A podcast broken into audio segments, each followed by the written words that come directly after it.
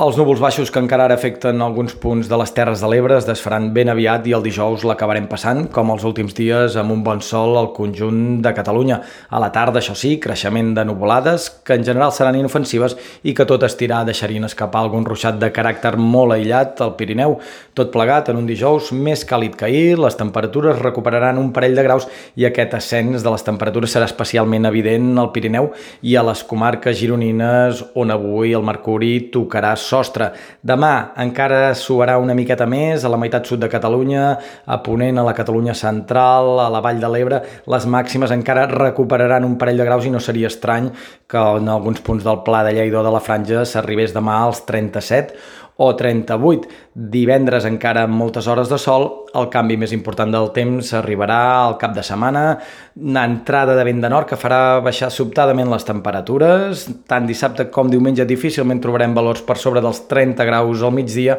i aquest descens a les temperatures vindrà acompanyat d'una inestabilització del temps que farà que dissabte els núvols guanyin ràpidament protagonisme i que entre mig matí i ben entrada la tarda els ruixats puguin afectar moltes comarques de la meitat nord del país, cap al tard, cap al vespre, també plouria a la Costa Brava i de nit i matinada fins i tot ho faria a la costa central. De cara a diumenge sembla que s'obririen clarianes, però que encara quedarien alguns ruixats residuals al nord-est i tot apunta que els primers dies del mes d'agost, eh, ben bé